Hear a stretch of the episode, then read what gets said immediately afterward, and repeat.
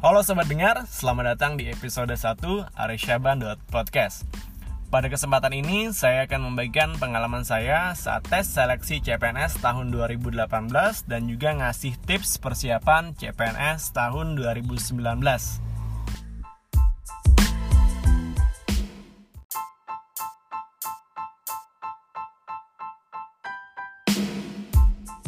Bekerja sebagai aparatur sipil negara atau pegawai negeri sipil di negeri ini masih menjadi salah satu impian banyak orang. Bisa kita lihat setiap rekrutmen CPNS banyak orang yang berbondong-bondong ikut daftar seleksinya dari awal sampai dengan akhir. Ada yang lulus dan ada yang belum lulus. Sebenarnya apa sih privilege kalau sudah jadi ASN? Ya, menurut sebagian orang dan sebagai informasi di internet, kerja sebagai ASN banyak enaknya. Sebenarnya tidak juga, kita sebagai abdi negara tentu harus mengabdikan diri kepada negara dan pada pemerintah melalui tugas-tugas yang telah diberikan dari atasan kita dan oleh negara. Jadi eh, yang namanya kerja sedikit banyaknya pasti ada enaknya. Salah satu privilege yang bisa didapatkan jadi ASN adalah jaminan di hari tua atau jaminan masa pensiun yang mana pada saat kita sudah tidak produktif bekerja lagi kita tetap akan mendapatkan gaji pensiunan oleh negara. Uh, dan juga kesempatan untuk melanjutkan studi itu sangat besar apabila kita menjadi seorang ASN. Jadi banyak e, beasiswa yang diberikan oleh pemerintah seperti LPDP dan juga e, dari instansi swasta yang memberikan kesempatan buat para PNS untuk melanjutkan studinya, entah itu dari S1, S2 dan sampai dengan S3. Yang tentunya kalau dari jalur PNS itu mempunyai e, dampak positif langsung kepada tempat kita bekerja. Jadi kontribusinya langsung kepada negara seperti itu. Saat ini saya berstatus sebagai CPNS tahun 2018 di Kementerian Hukum dan HAM Kantor Wilayah Kalimantan Selatan yang pada tahun 2018 memilih formasi pendidikan S1 dengan jabatan analis program evaluasi dan pelaporan jadi pada saat nanti sudah lulus dinyatakan diterima sebagai PNS, kita itu menjalani namanya masa orientasi CPNS terlebih dahulu selama satu tahun. Jadi sebelum pengangkatan kita diberikan namanya masa orientasi dan juga nanti ada latsar Latsar ini adalah latihan dasar untuk semua CPNS sebelum pengangkatan. Jadi syarat pengangkatan itu adalah harus ada latsar terlebih dahulu dan pada saat latsar itu nanti kita diminta untuk membuat proyek perubahan atau proyek aktualisasi habituasi yang mana proyek itu bisa diterapkan ide-idenya di tempat kita bekerja saat itu. Nah, nanti setelah selesai masa itu uh, akan dilanjutkan proses pengangkatan jadi PNS 100%. Jadi pada saat status kita CPNS itu semua hak dan uh, yang kita dapatkan itu masih 80%. Jadi dari uh, gaji pokok, tunjangan dan yang lainnya itu masih 80%. Nanti apabila sudah selesai atau sudah diangkat itu menjadi full 100% seperti itu. Ya, disclaimer terlebih dahulu ya. Jadi di sini status saya uh, sebagai CPNS di Kementerian Hukum dan HAM dan tidak tergabung sebagai panitia seleksi CPNS tahun 2019. Jadi informasi yang saya dapatkan ini informasi yang uh, saya tahu, yang saya baca dan saya kumpulkan, semoga bisa bermanfaat buat teman-teman sekalian.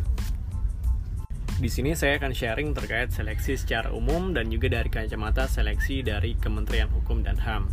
Untuk instansi lain kurang lebih mungkin akan sama dan informasi ini bisa jadi informasi tambahan. Untuk Kemenkumham dan instansi lainnya, pastikan teman-teman telah membaca pengumuman resmi dari website masing-masing instansi karena di dalamnya sudah cukup lengkap petunjuk dan informasinya. Dan juga pastikan sesuai dengan informasi dari buku petunjuk pendaftaran CPNS 2019 yang telah dibuat oleh BKN. Nah, jadi uh, BKN telah membuat sebuah PDF yang isinya buku petunjuk panduan untuk mendaftar menjadi CPNS tahun 2019. Kalaupun masih ada yang bingung, teman-teman bisa bertanya melalui media sosial masing-masing instansi atau mention di Twitternya BKN at BKN Go ID. Pastikan formasi yang dilamar sesuai dengan background pendidikan kita. Dan juga kalau ingin mendapatkan peluang yang lebih besar untuk lulus bisa ambil formasi yang banyak memerlukan pegawai. Karena semakin banyak pegawai yang diperlukan peluang untuk lulus juga semakin besar. Kalaupun formasi yang dicari itu sedikit misalnya satu atau dua orang aja sesuai dengan pendidikan kita tidak ada salahnya untuk berusaha dengan banyak belajar. Semuanya memang uh, perlu usaha. Jangan lupa berdoa. Kalau memang jalannya insya Allah ada rezekinya uh, sedikit sharing pada tahun 2017 saya juga pernah mencoba uh, mengikuti tes seleksi CPNS tahun 2017 uh, mencoba di jalur pendidikan SLTA sebagai penjaga tahanan.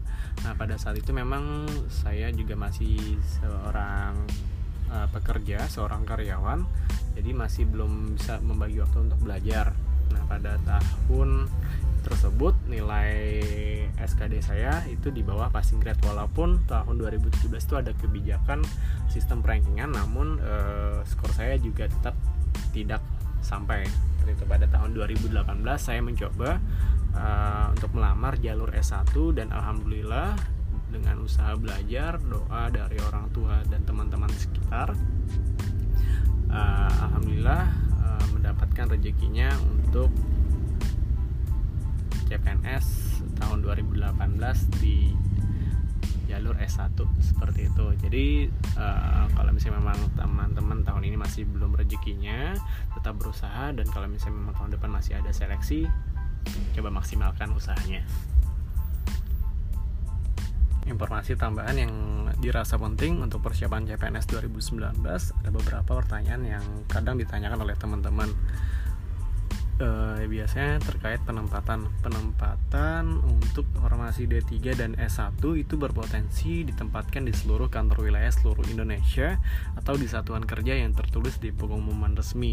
Nah, jadi untuk D3 dan S1 itu berpotensi uh, memang peluangnya juga bisa jadi di tempat asal, namun tidak menutup kemungkinan itu ditempatkan di luar daerah. Jadi tetap harus siap Sedangkan untuk uh, formasi SLTA seperti penjaga tahanan uh, dan pemeriksa keimigrasian itu kemungkinan akan ditempatkan di unit-unit satuan kerja daerah. Kalau yang penjaga tahanan itu di lapas atau rutan dan untuk pemeriksa keimigrasian itu akan ditempatkan di area divisi keimigrasian seperti kantor imigrasi atau uh, TPI tempat pemeriksaan imigrasi seperti itu.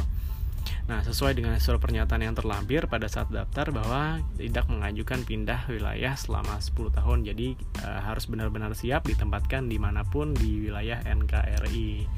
Jadi kalau pengen di daerah saja, Bismillah aja semoga ada rezekinya untuk semua formasi sebenarnya tahun ini saingannya meningkat. Untuk formasi SLTA saja mungkin eh, saingannya bisa terdiri dari teman-teman yang baru lulus satu angkatan satu SMA dan bisa jadi orang-orang yang sedang kuliah yang ingin jadi PNS itu bisa jadi ngambil jalur SLTA P1TL 2018 juga ikutan kan tahun ini ya. Jadi uh, itu bisa jadi, jadi saingan juga. Terus lulusan kampus yang formasinya tidak ada kerja yang belum diangkat jadi karyawan tetap juga bisa jadi saingan. Untuk formasi D3 dan S1 pun sebenarnya sama banyak saingannya. Sementara itu juga untuk passing grade SKD tahun ini diturunkan dari tahun sebelumnya yang membuat semakin saingan itu akan bertambah. Nah yang penting tetap persiapkan dengan baik. Insya Allah kalau ada rezekinya jalannya akan dimudahkan. Yang menjadi perhatian sebelum submit daftar buat teman-teman yang mungkin belum submit besok hari Senin ya tanggal terakhir. Semoga informasi ini bisa berguna. Uh, saya coba, pernah coba menanyakan kepada teman-teman panitia CPNS apa aja sih faktor yang membuat uh, tahap seleksi administrasi ini banyak yang berguguran. Jadi yang pertama uh, nanti pastikan ikut uh, kalian telah mengikuti dengan cermat petunjuk yang telah ditetapkan masing-masing instansi atau lembaga. Jadi masing-masing instansi atau lembaga itu mempunyai kebijakan masing-masing tidak disamakan dengan instansi satu dengan instansi yang lainnya. Yang kedua, perhatikan format yang sudah ditentukan karena ada beberapa kedapatan yang gugur seleksi administrasi karena kurang teliti dalam membaca ketentuan. Misalnya format tentang surat lamaran dan surat pernyataan, gunakan format terbaru yang terlampir di website masing-masing instansi, bukan menggunakan format lain atau tahun sebelumnya karena terdapat beberapa perbedaan. Yang ketiga, pastikan latar belakang pendidikan kita sesuai dengan formasi yang dibutuhkan oleh masing-masing instansi. Kalau yang SLTA, sesuaikan dengan formasi SLTA atau sederajat. Kalau yang D3 juga harus sesuai, begitu pula yang S1. Karena yang D3 tidak bisa melamar yang S1, begitu pula sebaliknya, yang S1 juga tidak bisa melamar jurusan uh, eh, D3 karena beda fokus jadi uh, ikuti kebijakan masing-masing instansi. Namun kalau ada perbedaan nomenklatur jurusan teman-teman bisa berkonsultasi ke pihak instansi masing-masing. Kalau misalnya memang bisa coba langsung dilamar saja yang keempat, pastikan dokumen yang di-scan berwarna, tidak hitam putih seperti fotokopian karena diperlukan yang berwarna seperti KTP, ijazah, surat pernyataan, gunakan materai berwarna juga dan materai materai yang digunakan itu harus satu-satu tidak boleh gantian. Karena tuh ada kemarin katanya yang uh, materainya ketahuan itu sama maka digugurkan. Yang kelima, untuk tahun ini Kemenkumham tidak ada mengirimkan berkas via pos, semuanya online. Mungkin ada kementerian atau lembaga lain yang masih mengirimkan dokumen bisa menyesuaikan. Jadi Kemenkumham sekali lagi tidak ada mengirimkan berkas via pos, semuanya adalah online. Apabila teman-teman sudah submit, ini tips dari saya. Yang pertama, catat dan simpan dengan baik informasi akun SSCASN agar memudahkan ke depannya untuk login kembali.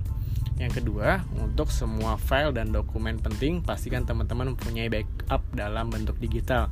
Jadi, apabila suatu saat perlu, kita ada punya cadangannya dan sebaiknya dokumen tersebut juga tersimpan di media penyimpanan online seperti Google Drive yang bisa diakses di mana saja menggunakan koneksi internet. Untuk jadwal yang sudah diketahui jadwalnya, teman-teman bisa menggunakan Google Calendar sebagai pengingatnya. Set reminder apa saja yang harus dipersiapkan, semua semua orang mungkin punya akun Google jadi jadwal kita bisa lebih termanage dengan baik Ya, cukup sekian untuk tips dan trik untuk persiapan CPNS tahun 2019 part pertama. Semoga yang menjadi cita-cita dan harapan teman-teman dapat terwujud melalui persiapan yang matang untuk menjadi seorang ASN di tahun anggaran 2019-2020. Indonesia perlu SDM unggul untuk menjalankan sistem pemerintahannya. Kami tunggu kalian di gerbang pemerintahan. Sampai jumpa. Terima kasih telah mendengarkan Ari Syaban Podcast.